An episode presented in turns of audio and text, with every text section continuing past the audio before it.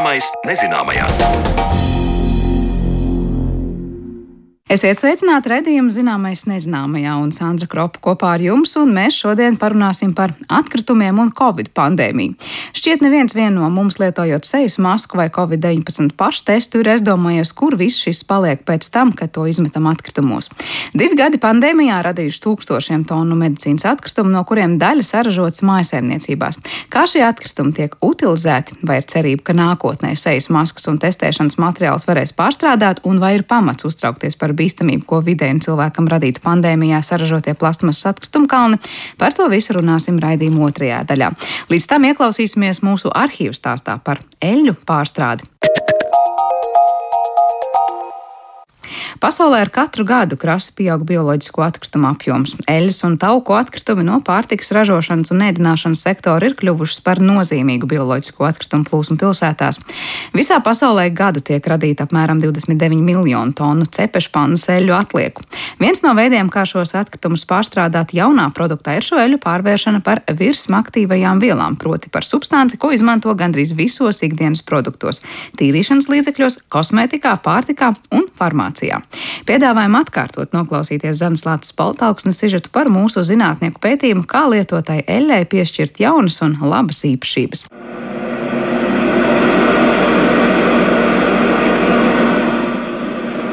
Maisītājā tiek jaukta masa, kas iztālēm atgādina piena kokteili, bet laboratorijas vide izgaisina iespaidu par minēto kārumu.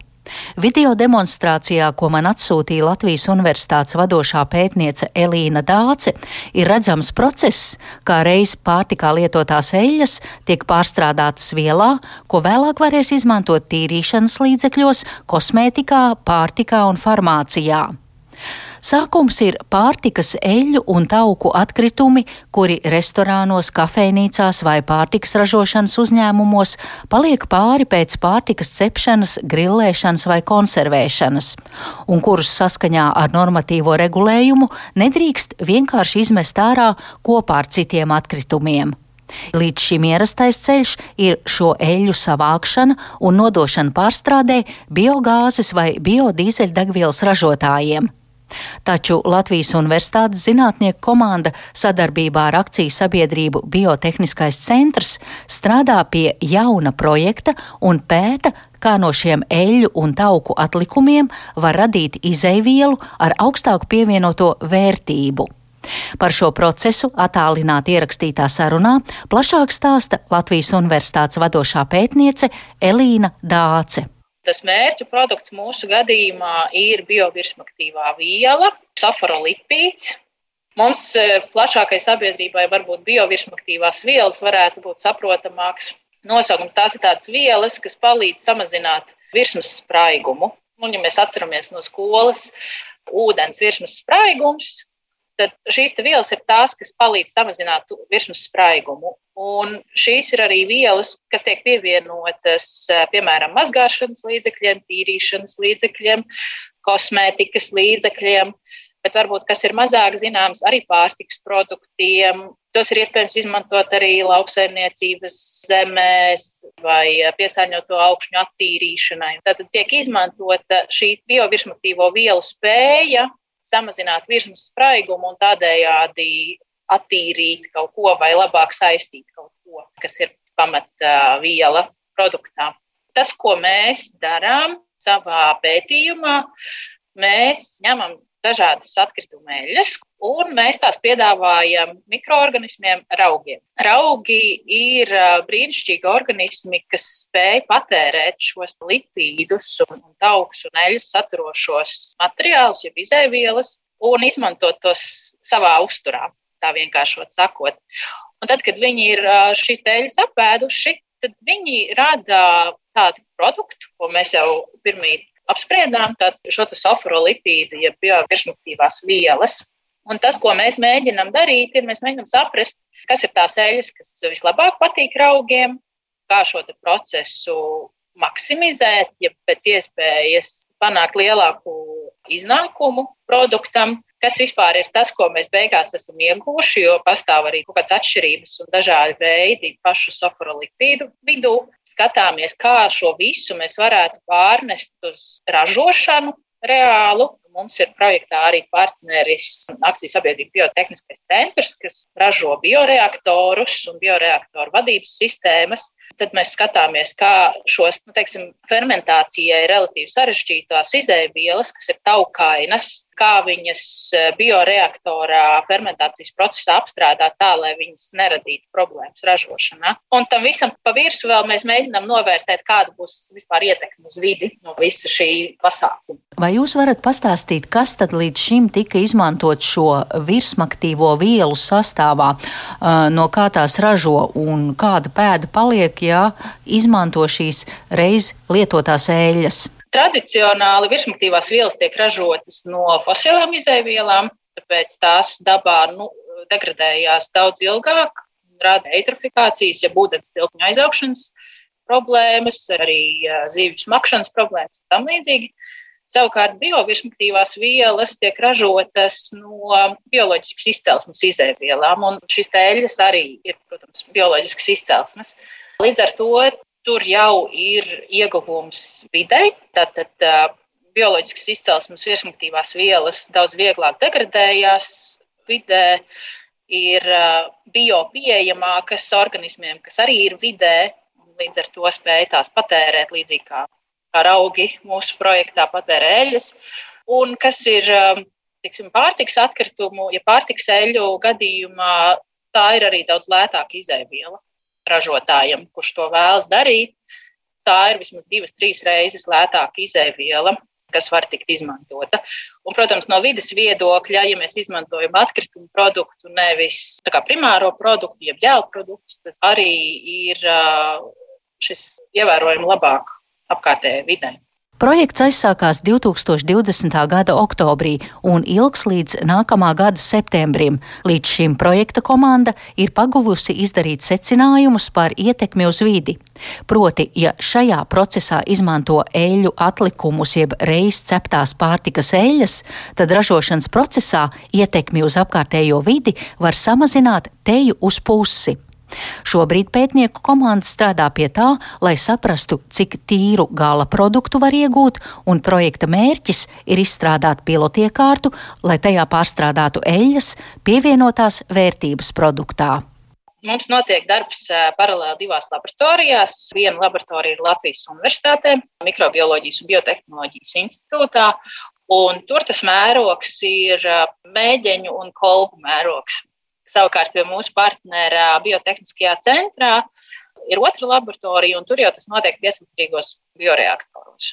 Un šī gala nu, pilota iekārta vai laboratorijas mēroga iekārta mums arī ir plānota kā šis pieclitrīgais reaktors, bet viņš būs pilnībā noklāpts un aprīkots tā, ka nākamajā posmā jau būtu mēroga paaugstināšana, palielināšana līdz rūpnieciskam izmēram.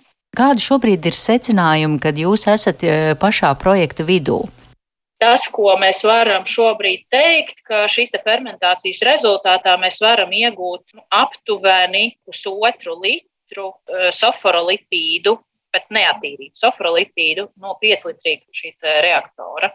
Tātad 5 litri no 5 litriem eļļas, es pareizi sapratu? Jā, jā, Jā, vienīgi es precizēšu, tur noteikti nav 5 litri eļļa. Eļļa ir kā, kā viena no izēvielām. Protams, tur ir arī citas lietas jāiedod klāt tiem augiem, piemēram, cukuri. Līdzīgi kā tiksim, augu augšanai mums ir vajadzīgs ogleklis, slāpeklis un fosfors, tāpat tās arī šeit mikroorganismiem ir vajadzīgi šie elementi. Eļļas, protams, nesastur visus šos elementus, tāpēc mums ir jādod tāds arī kokteilīts, bet eļļa ir ļoti būtiska sastāvdaļa šajā visā, un tā arī ir pamat izēviela, no kuras šīs biovirsmaktīvās vielas ir ražotas. Kādas ir jūsu vīzijas, cik ātri un kādā veidā to šī brīža laboratorijas procesu var novest līdz rūpnieciskai ražošanai? Ja mēs mēģinātu novērtēt, kāda būs tā ietekme no šāda projekta, vai mēs vispār varētu kādreiz kaut ko tiešām tādu ieviest ražošanā, tad es teiktu, ka mums šobrīd tas izskatās ļoti perspektīvi, jo nu, tā pavisam aptuveni uzmetot skaitļus un aprēķinus, ja vidēji uz vienu cilvēku gadā rodas aptuveni 10 kg šādas pārtikas eļļas izlietotās, tad uz Latviju visu tie varētu būt aptuveni 20 tūkstoši tonu gadā. Un nu, arī aptuveni, ja kaut vai mēs 10 tūkstošu tonu gala produkta no šī visa varētu iegūt un pārdot to par 10 eiro kilogramā, kas ir zemākā šobrīd tirgu esošā cena, tad tas jau varētu izskatīties diezgan interesanti arī ražotājiem. Galvenās biovirsmaktīvās vielas priekšrocības ietver to atjaunojamo izcelsmi, bionoardīšanos, zemu toksiskumu, labākas putošanas īpašības un stabilu aktivitāti dažādos apstākļos. Ņemot vērā šīs priekšrocības, šim produktam ir milzīgs tirgus potenciāls, it īpaši, ja tās ir ražotas no atkritumiem, uzsver Elīna Dāce atlikumus un, un dažādus atkritumus, ko mēs tiešām šobrīd uzskatām par kaut ko lieku, nevajadzīgu, no kā mēs vēlamies atbrīvoties. Ja mēs varam atrast veidus, kā šīs vielas vai, vai, vai produktus, kā mēs viņus varam izmantot kaut kā jauna radīšanai un uh, ilgākai paturēšanai apritē, tad tas pilnībā atbilst šiem aprits ekonomikas mērķiem, palīdz ilgspējībai, palīdz ietekmes uz vidas samazināšanai. Un, ja tas vēl ir ekonomiski izdevīgi, nu, tad izklausās, ka tas atķeksē visas kastītes, kā saka. Tik tālu par eļļu un tauku atkritumu pārstrādi, bet raidījuma turpmākajās minūtēs pievēršamies atkritumiem, kas saražot pandēmijas laikā, un skaidrosim, vai arī tiem varētu būt kāds liederīgs pielietojums.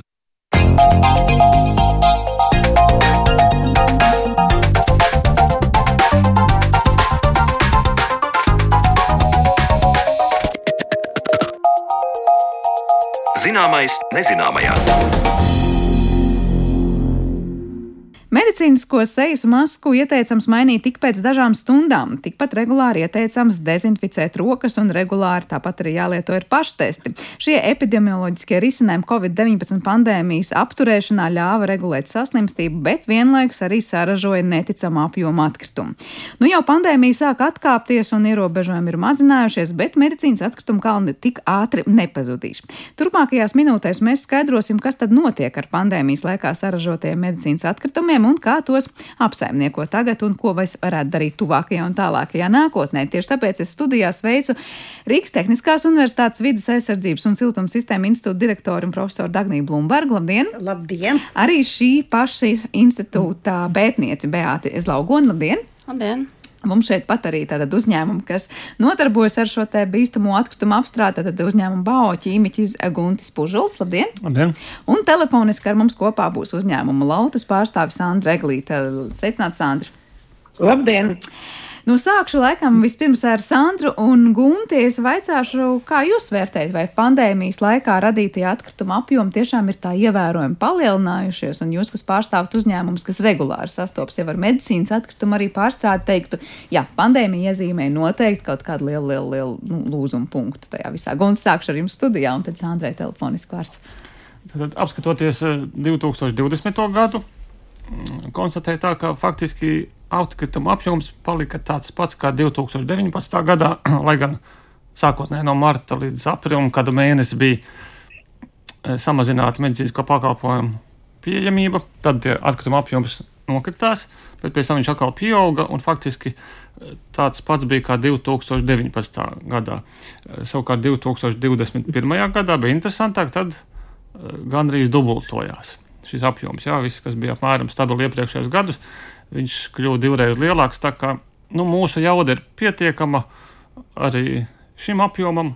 Mums iekārta ir jaudīga, mēs strādājam arī eh, pat vairākās maiņās, kādā brīvdienā arī izgājām, lai varētu mm, savākt šos, šos visus atkritumus, jo eh, liela daļa atkritumu, kas faktiski bija, bija viss, kas faktiski Covid pacientiem, net, ja agrāk tie bija sadzīves atkritumi, kas, ko viņi lietoja, kādas sulas pakas, vēl kaut kas, Tagad tos visus sašķiroja kā bīstamos atkritumus.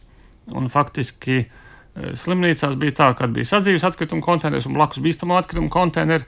Tad, kā stāstīja šoferi, tad sadzīves atkritumu konteineris parasti bija knapi knapas, bet bīstami atkritumi bija pielikti. Bija daudz, jā. Bet daudz, tas sākums, ko jūs teicāt, ka tās atšķirības nebija, tas bija tāpēc, ka tika apturēti ļoti daudz vispār medicīniskie pakalpojumi pašā, pašā sākumā. Jā, 20. Kā, gada mar un... marts, aprīlis bija kritums, jā, jā un, un pēc, pēc tam viņi atkal pieauga un atguva faktiski to pašu, kas bija iepriekšējā gadā. Jā, Sandra, kā jūs uzņēmuma pusē, vai tendences līdzīgas, un vai jums ir kādi dati, cik tad kopumā, es nezinu, Covid laikā saražojām šo te medicīnas un arī sadzīves atkritumu kalnus?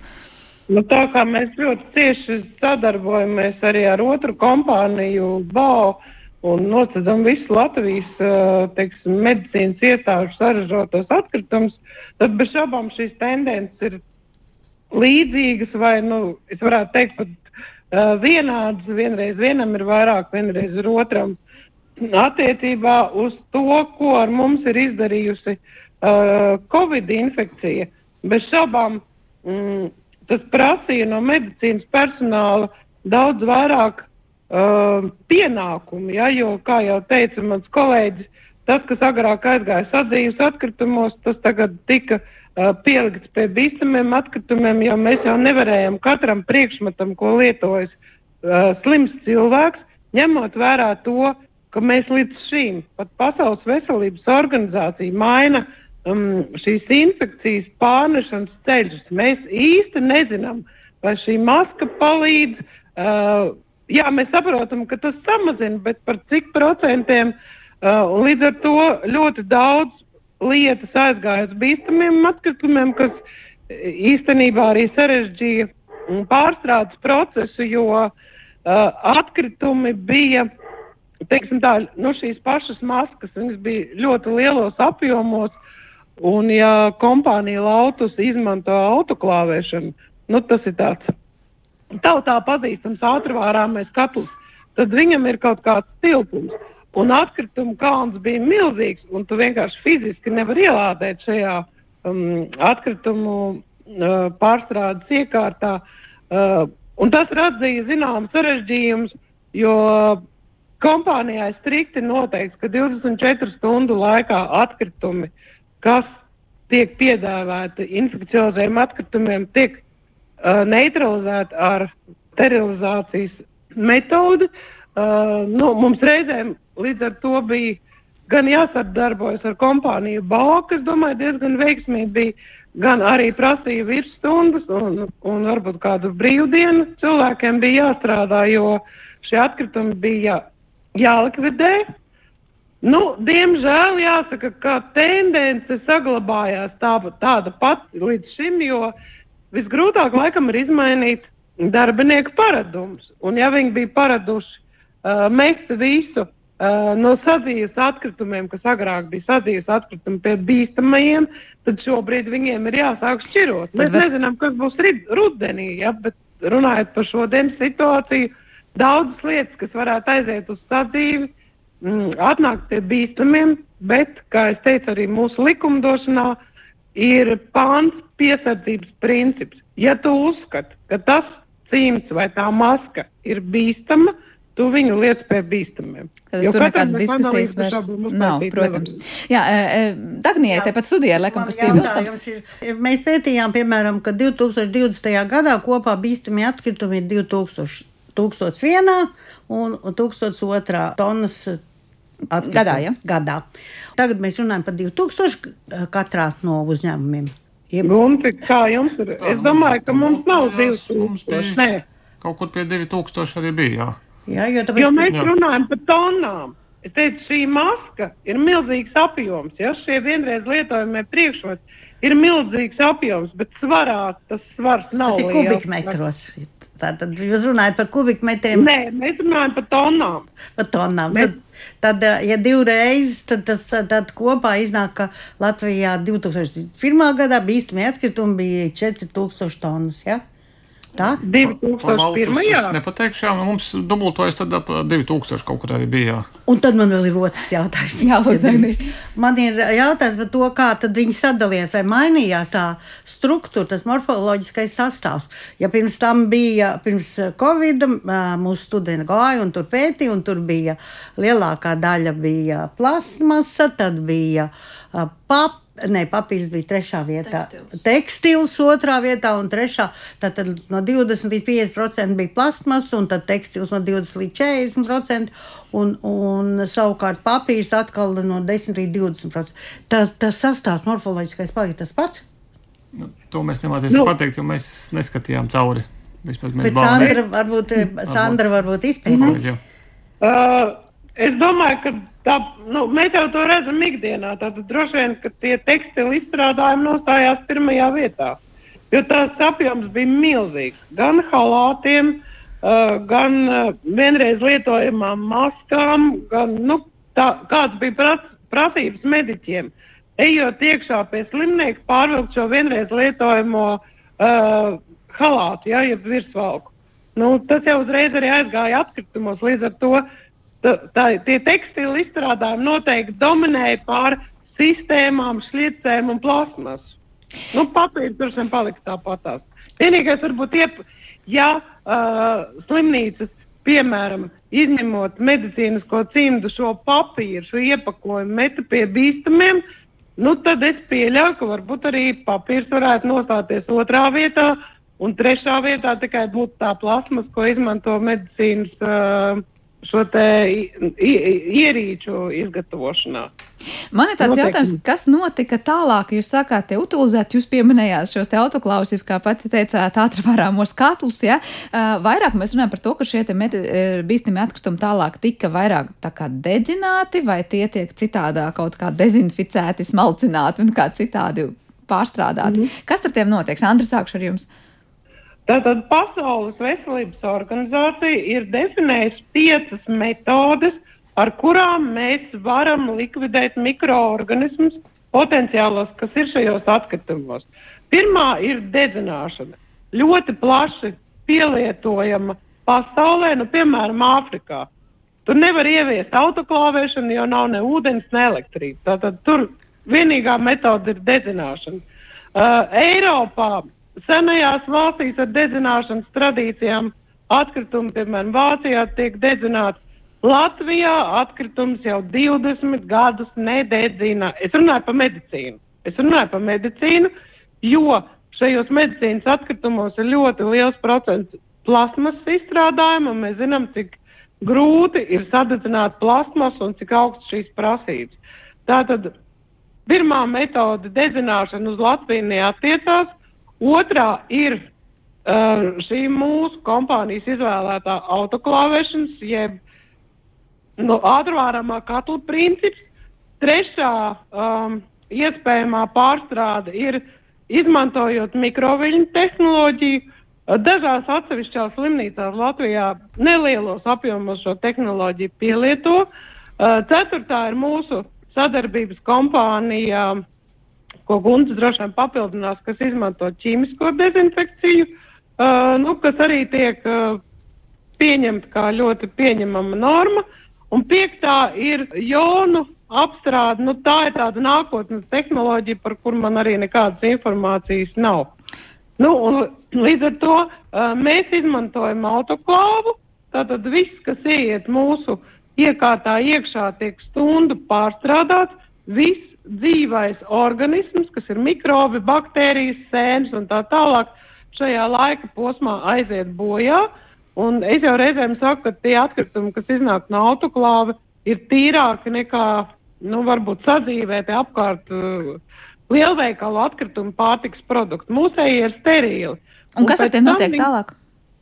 Pēc tam viņa otrs process mūsu pārstrādes procesā ir samalšana, Tātad, ja tā ir sprice vai tā ir marle vai maska, viņi tiek samāta uh, smalkos gabaliņos, ne lielākos kā 3 cm. Attiecīgi vienlaicīgi notiek arī šķidruma nospiešana, ja, lai viņi nebūtu slapi. Un pēc tam viņi aiziet uz sadzīves atkritumiem, jau kā parastie sadzīves atkritumi. Tātad noglabāšanai. Uh, Jā. Jā, skaidrs, paldies. Vai Gunti būs kaut kas piebilstams, vai jūs kaut ko darat atšķirīgi no tā, ko Sandrija šeit uzskaitīja? Jā, mums ir tā ķīmiskā metode. Tātad no diviem reaģentiem tiek sagatavots dezinfekcijas šķīdums. Pirms atkritumi tiek samalti, tad viņi iekrīt šajā vannā ar šo šķīdumu un notiek sterilizācija. Tātad mikroorganismi nobeidzās. Un tā teikt, atkritumi tāpat tiek nospiesti un kļūst par nebīstamiem atkritumiem kuri pašreiz arī tiek apglabāti. Nu, bet visticamāk, Latvijā uztaisīs tāpat kādu krāsni, jo tos atkritumus kaut kur jāliek ir. Jo no 2030. gada vairs nevar apglabāt sadzīves atkritumus, kurus var pārstrādāt. Un līdz ar to tie bīstamie kļūst par nebīstamajiem, un pēc tam jau jādomā, kā tos apsaimniekot tāpat kā citus. Bet vai šobrīd ir kādas inovatīvas eh, idejas, kā likt lietā šobrīd to, kas ir pēc tās apstrādes, kļūst par nebīstamu? Un lai nebūtu jānoglabā sadzīvē, pirms mēs runājam par dažādām tehnoloģijām, kā vispār apstrādāt. Jā, bet tad ir divas lietas jāsaprot. Pirmā lieta ir tā, ka kā tad sadalīt šos atkritumus. Tagad viņi ir nekaitīgi, nebīstami, kā viņi sadalīt pa komponentiem. Un, ja 50% ir piemēram, nu, pieņemsim, ka tagad ir mainījies un ir tekstils, 50 un kaut kādi ir 20 vai 30% papīrs un atkal plasmasa, sadalām pa komponentiem. Un tad jau sākam domāt, ko, ko tad ar viņiem darīt. Jo viņus visus samalt kopā, tas ir nu, droši vien, ka agri vai vēl jums mainīsies tehnoloģija tieši tā iemesla pēc, ka visus samačkājot kopā, pēc tam ir tik tiešām jādomā, kur viņi tālāk likt. Ja es pareizi saprotu, tad ir arī nu, tas tā sauktais RDF no, no atkritumiem ats, tātad, atvasināts kurināmais. Jā, šī gadījumā, nu, protams, tas ir izcinājums, ja viņi ved uz cemeksu. Jā, tad viņi visi uzskatām, tas tiešām tāds ir un vedam uz zemeksu un, un krāsnī. Bet uh, tur ir tam RDFam ir noteiktas prasības, un uh, tur acīm redzot, tad atkal tur ir jāmēģina. Vienkārši agri vai vēlu neviens neļaus glabāt poligonā. Tāpēc ir jādomā, kur to tagad, kā viņu tagad sadalīt. Un tāpēc droši vien tā, tās tehnoloģijas mainīsies arī, nu, ja es pareizi saprotu, lautusā jau viss ir, tagad tikai sašķirojam. Sašķirošana bija sarežģītāka, ir, protams, balva, ne? Jā, nu tur viņi visi tiek samalti kopā. Patreiz mums ir vēl, ko mēs pamēģinām, ad, adatu atdalīšana atsevišķi. Un kas ar tām notiek pēc tam? Nu, viņi tāpat paliek kā bīstami atkritumi, bet nu, tieši no šī viedokļa, kad uh, šo atkritumu sagatavot tālāk, kā to pašu RDF, kuri nāmokam ir jau nu, labāka kvalitāte, jo tās adatas īsti nepatīk tālāk. Jā, pirms mēs atvadāmies no Sandras Eglītes, kas mums ir telefoniski. Sandra, vai jums vēl ir piebilstams par to, ko jūs uzņēmumā domājat, ko darīt tālāk, lai nebūtu jānoglabā tie atkritumi, kas ir kļuvuši par nebīstamajiem, vai ir jau kādas konkrētas idejas, kas ir iekristalizējušās? Jā, šis, šis jautājums ir dienas kārtībā kopš dienas, kad es kad vispār tika dibināta kompānija. Jo toreiz braucot uh, uz Vācijas lielajām starptautiskajām atkritumu izstādēm, uh, es tā pacelātu, domāju, redz, cik jauki mēs varam dienas gaismas lampas savākt un dzīves uzrab termometrus un vēl kaut ko un vēl kaut ko. Un atdevurāmies pret to, ka šajās lielajās izstādēs piedāvāja šīs lietas savākt.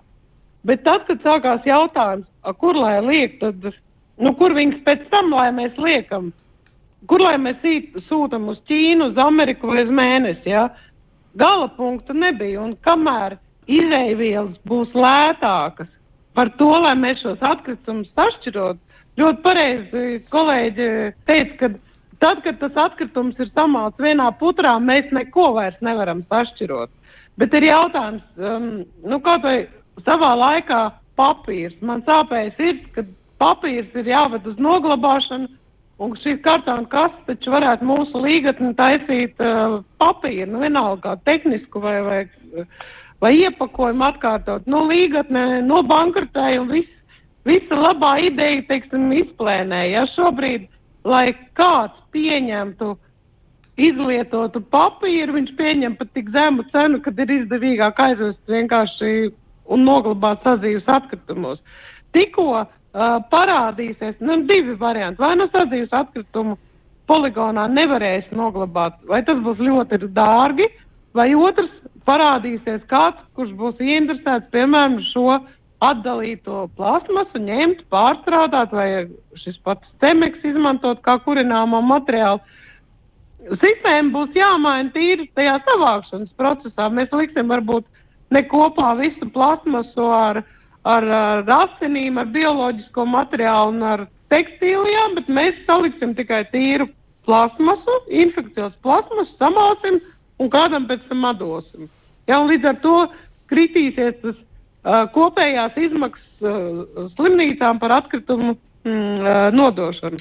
Jā. Bet šobrīd nu, mēs Mēs domājam, kā būs.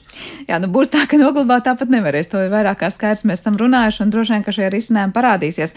Sandra, liels paldies! Es atgādinu, ka uzņēmuma laudas pārstāvs Andra Eglīte mums bija kopā pa telefonu šajā raidījuma studijā, bet mēs turpinām pēc tam šeit šo sarunu no, no Latvijas radio studijas, un es gribēju jautāt Beātei, kas šeit mums pārstāv arī pētniecisko organizāciju par šo šī brīža situāciju, lai es saprastu, jūs kādu analīzi šobrīd esat veikuši par to, kas un kādā daudzumā un kādā kompozīcijā nonāk bīstamajos atkritumos, vai jūs vairāk skatāties, kuras tehnoloģijas šobrīd vairāk tiek izmantotas, strādā, nestrādā, plus mīnus?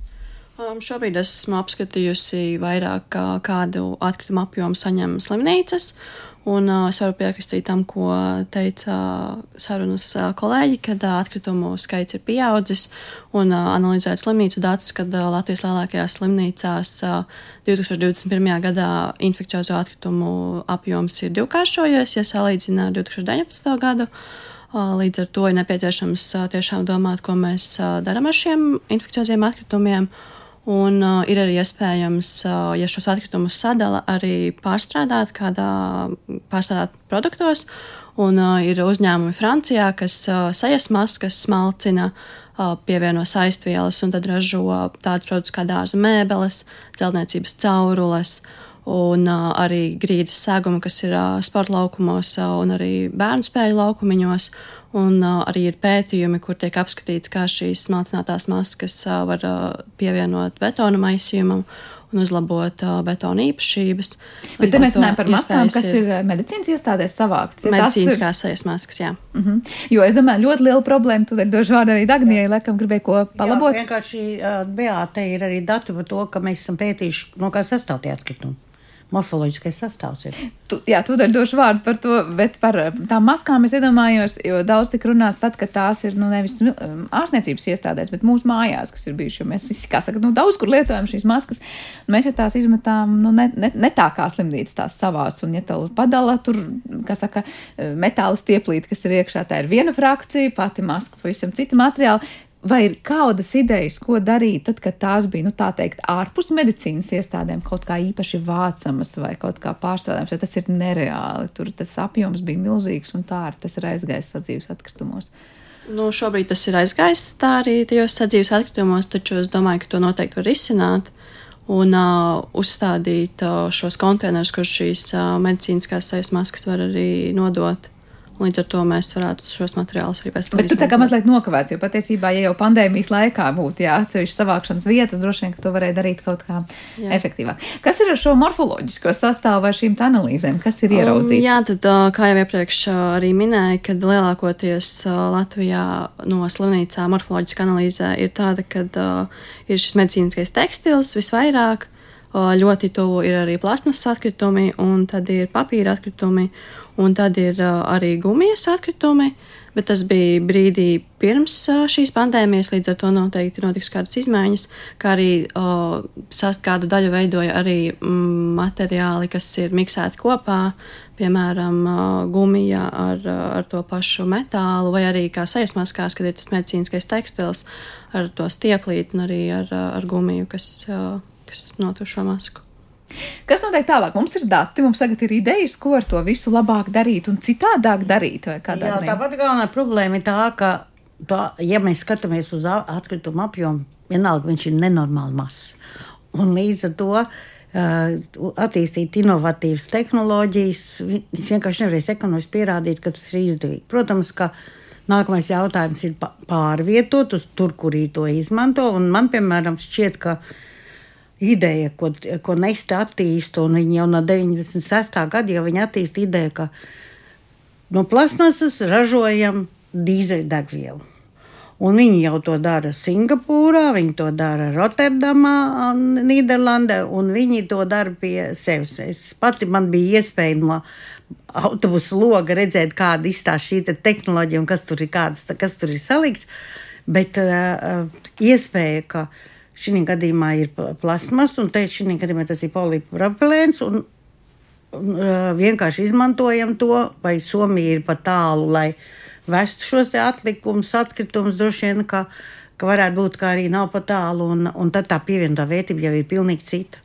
Dīzeļdegviela no atkritumiem, un tas un, ne jau pavelti nesta, jau tagad viņiem jau ir benzīna tankos, ir, ir jau speciāli, speciāls vietas, kur šādu degvielu jau var nopirkt. Un tā ir nākotne. Un ir jautājums, vai, vai mēs esam gatavi, kā mēs to saorganizēsim. Un, un, protams, pirmais jautājums, cik tas maksā. Un, ja mēs runājam par inovācijām un runājam par cirkulāro ekonomiku, kāpēc ne? Un tad otrs jautājums ir, pie kā arī Somi ļoti daudz strādā. Pagājušā nedēļa biju Somijā taisnums pie, pie pētniekiem, kas pēta, ko darīt ar lietoto tekstilu. Mēs runājam par bīstamajiem. Kāpēc bīstamie? Viņi ir nebīstamie. Mēs jau à, tagad tikko kā nonācām. Jau nē, nē, nē, par bīstamajiem mēs vispār nerunājam. Mēs runājam par nebīstamajiem, jo tāpēc, ka tas ir, tas ir tāds pat atlikums kā vispārējie, un šī gadījumā meklējam tikai to lietojumu. Un šeit atkal ir tas pats jautājums par to, ka Pirmais, no kā te, eh, šo te eh, tekstilu, no kurienes viņš nāk, kādā veidā tas tiek ražots, un otrs, kā viņi tagad atkal no jauna izmantot. Un Somija pie tā ļoti strādā. Viņiem ir, ir piemēram, Alto universitāte, kur uh, laboratorija jau desmit gadus strādā, un viņi saka, nu, mums vēl vajag kādus desmit, varbūt tik daudz gadus, ne, bet nu, 15, 5 gadus vai lai kopā, lai gala rezultātā no tekstila, kas kopējais tekstilā atkritumu daudzums jau ir, ir ļoti liels pasaulē. Ja? Līdz ar to būvēt tās reģionālas tādas rūpnīcas, un tad tajā brīdī, lūk, nebīstami atkrit, medicīniskie atkritumi aiziet uz šo ražotni. Jā, līdz tam tie atbilstoši, protams, ir padarīti par nebīstamiem. Jā, un tad būtu tā loma šeit pat uz vietas konkrētajiem šiem uzņēmumiem, kā arī jūs pārstāvat. Tas ir vispirms mums šos atkritumus jāpadara par nebīstamiem. Mm. Tālāk viņus tad var apsaimniekot. Tur ir tas 24 stundu arī princips svarīgs, ko arī Sandra pirms brīža me, minēja, ka proti ir šie medicīniskie bīstami ir kad, ka 24 stundu laikā kas ir jāpārvērš, vai tas attiec tikai uz kaut kādiem noteikumiem. Ātrāk, nu mums no rīta ievad, nu tagad arī pa dienu ievad, un tās pašas dienas laikā mēs arī līdz vakaram pārstrādājam. Kā ir šobrīd? Nu, Dāngnija runāja par to, ka šeit viņi kļūst par nebīstamajiem, un tālāk tā tiek, piemēram, piedāvāta lielākām reģionālām rūpnīcām, kas būs citās valstīs, jo tas apjoms mums uz vietas te būs maz. Šobrīd, cik lielā mērā jūs jau vienkārši tālāk padodat kādam kaut ko, ko darīt ar šo materiālu, vai tā ir kaut kādas citas rūpnīcas mums tuvākajā pievārtē? Šobrīd īsti nav mums nekas, nu mēs esam Igauniem devuši to pašu RDF, bet tas īsti nebūs šie atkritumi, jā, jo tos viņi arī īsti pat negrib ņemt, jo laikam tās pašas adatas viņiem nepatīk vai kaut kas tāds. Vai arī bailes tīri, varbūt viņi nav tik nebīstami, kā saka. Varbūt arī tas. Tā kā šobrīd šiem atkritumiem, diemžēl, viņi kļūst mitrāki, ja pieaug masa un tālāk viņi iet apglabāšanā poligonā. Bet, nu, kā saka, ārējie apstākļi, kā parasti mūs piespiedīs sakārtot to visu, nu, tad jau sakārtos. Depozīts pudeļi tagad ir, nu, šim vēl ir laiks. Jā, nu, tur arī būs laikam jāieskrienās. Es vēl gribēju parunāt par to, mēs sakām, nu, nedrīkst, ka tie nonāk, piemēram, sadzīves atkritumos vai šie ir bīstami atkritumi. Varbūt jūs varat izskaidrot, kur ir slēpta tā vislielākā bīstamība. Ja šie medicīnas atkritumi nonāk, piemēram, sadzīves atkritumos, pēc tam kopējā plūsmā, vai tie nonāk pietiekoši neattīrīti kaut kur citur, mēs runājam par konkrētu slimību izplatību, mēs runājam par kādu bīstamu ķīmisku vielu noplūdu, es nezinu, tur runcūdeņos vēl kaut kur, kas varbūt Beāta ir tas trakākais, kas var notikt? Uh, primārais, kas parādās uh, arī pētījumos, ir tieši tas, ka uh, ir nezināmas infekcijas, kas var izplatīties, un viņas var arī mutēties. Un tad arī, protams, ir pats vidas piesārņojums, kas uh, arī atstāja ietekmi uz uh, vidi. Un, uh, jā, bet galvenais tas, ka ir uh, nezināmas infekcijas, kas, ar ko var cilvēki saskarties pašiem, nemaz nezinot to. Bet kā ar zālēm? Nu, šī farmācijas aptiekās nododam zāles, bīstamie, ja? un kas notiek, gunti, kas notiek ar zāli? Jā, tās iedzīvotāji savāktās zāles, tad mēs nosūtām Igauniem sadedzināt. Bīstamu atkritumu sadedzināšanas krāsnī. Jo tur ir tas, nu, mēs tur nezinām, kas tur, tur viss kaut kas var būt. Nu, tur ir īpašās salikts. prasības, augstās temperatūras, kuras tā nevar vienkārši nodrošināt. Nu, tas arī, un kur, tas, kas tur ir salikts, mēs arī nezinām. Tur saliek, saliek visu kaut ko iedzīvotāju. Nu, Nu jā, un šo vielu nonākšana apkārtējā vidē mēs arī šajos raidījumos daudz esam runājuši patiesībā pēc tam, nu, dažādos veidos izpaužas, jā, tur ūdens vidē vienā veidā, augsnē citā veidā, bet jebkurā gadījumā tiek ietekmēti gan mazākie organismi, un, un tās sekas var būt ļoti, ļoti dažādas. Vai tas, kā, es nezinu, mēs runājam, pieauga tas bīstamo atkritumu daudzums šajā Covid laikā, vai jūs, prāt, iezīmējās kaut kādas sistēmas nepilnības, ko mēs vienkārši ieraudzījām kā uz dēlnes, kur mums kas strādā, nestrādā, vai gluži otrādi parādījās, lūk, ir iemīta taciņa, kas labi strādā un vajag iedoties uz priekšu dagdī, kā jūs vērtējat tos divus gadus pandēmijas zīmē ar tiem atkritumiem, kas nu radās? Mēs bijām absolūti nesagatavoti tam. Tāpat kā mēs šobrīd neesam sagatavoti, ko, kas notiktos, ja sāktos karš. Tas noteikti nenotiks, bet, bet jo, mēs neesam vienkārši par to domājuši. Un man, piemēram, es jau, jau vairāk es par to domāju, jo man ir pilnīgi skaidrs, ka, kāpēc, tā, kāpēc tas tā ir. Tas ir tāpēc, ka mēs it kā vairamies domāt par kaut ko sliktu, priekš kam mēs tagad domāsim par kaut ko, nu, ja nu kaut kas notiksies. Mēģinam dzīvot uz priekšu, jo noteikti nekas nenotiks. Un tā, tā, tā šī sistēmiskā kļūda, viņa noved pie tā, ka mēs nonākam pēc tam pie situācijas, kas mums nostāda problēmas priekšā, un mēs īsti nesaprotam, ko darīt. Un tas pats jautājums ir par maskām. Mēs taču faktiski tā īsti nezinām, vai tā maska mūs aizsargā vai neaizsargā. Jo tā pēt, ir nepieciešama pētījuma. Un medicīnā pētījumi ir nepieciešami. Vispirms ir, ir pilnīgi noteikti ir, ir skaidrs zināms, ka jāsāk ir ar, ar tām pašām pelēm un žurkām, un tad lēnā garā tiekam līdz tam, vai kādai žurkai jūs esat redzējuši, ka kāds maskas pēta, taču šodien jau ka ne. Un nu, tad labi, ir nākamais par zālēm arī tieši tas pats, vai ne? Bet par maskām runājot, es iedomājos, labi, mēs runājam, ko darīt ar tām, tad, kad tās tiek savāktas jau no ārstniecības iestādēm un tālāk kā bīstami atkritumi, tad apstrādāti, pārstrādāti un cerams likt lietā pēc tam dažādos citos veidos. Kas ar tām maskām, kas lielā apjomā jau ir nonākušas sadzīves atkritumos, būsim reāli tās, ko savās mājasemniecībās mēs izmetām. Kāds bija slims, kāds nebija slims, mēs nezinām, kā saka, tajās visās ir pamats domāt, ka sadzīves atkritumos tagad ir nonākuši daudz vairāk iespējams kādas bīstamas vielas, infekciozas atkritumi. Vai tas apjoms ir satraucoši, jūsuprāt, kas nonāca sadzīves? Es gribētu domāt, ka nē, jo tā, tas vīrus jau pats pēc savas definīcijas ir, ir gaisā, jā, un viņš jau ilgi neusturās, un, un, tas, un otra lieta ir tā, ka, ja maskas, teiksim, no kā maskas ir. Ja? Maska jau nav tekstils. Tekstils ir tās, tās maskas, ko mēs katrs pats sev uztaisam puķainu masku un forši staigājam. Kuras beig beigās teica, ka īsti nepalīdz. Jā, jā kuras, kuras faktiski nepalīdz, bet tās, tās jau, kas ir, ir parastās uh, sejas maskas, ko mēs lietojam Covid laikā, tas ir uh, polipropilēns un tā ir plastmasa. Pēc tam pagāja kaut kāds laiks, un tad mēs nokonstatējām, ka īsti labi laikam nav. Tagad vajadzētu likt kaut kādas jau stingrākas maskas. Un uh, ir tik daudz nezināmā, ka mēs varam, mums atliek tikai minēt, un uh, pieņemt to kā, kā uh, teiksim, patiesību, lai gan mēs faktiski tur ir nepieciešama zinātniskā izpēta. Un, un tā izpēta notiekās, un paies vēl kādu pāris gadu, un tad jau mēs visi zināsim arī par to, kas īsti ir noticis ar tām maskām, un ko mēs esam sametuši, kur un kāda tam ir vai nav nozīme. Nu, ko šajā reizē es teikšu lielu paldies jums par sarunu, kurai mums ir jāliek punkts šajā brīdī, bet skaidrs ir viens, ka šīs inovatīvās idejas un tehnoloģijas droši vien vēl sev tikai pieteiks, ko darīt tad, kad šie bīstamie atkritumi ir padarīti par par nebīstamiem, un tad jau iespējas tos izmantot ir gana plašas. Šajā redzījuma pusstundā bijām kopā Rīgas Tehniskās Universitātes vidas aizsardzības un siltuma sistēma institūta direktori profesoru Dagdiju Blumbaru, kā arī šī paša institūta pētniece Beāties Laugorti, kā arī uzņēmuma bauķi ķīmiķi Gunti Pužula. Paldies jums visiem, ka bijāt kopā ar mums šajā redzījumā.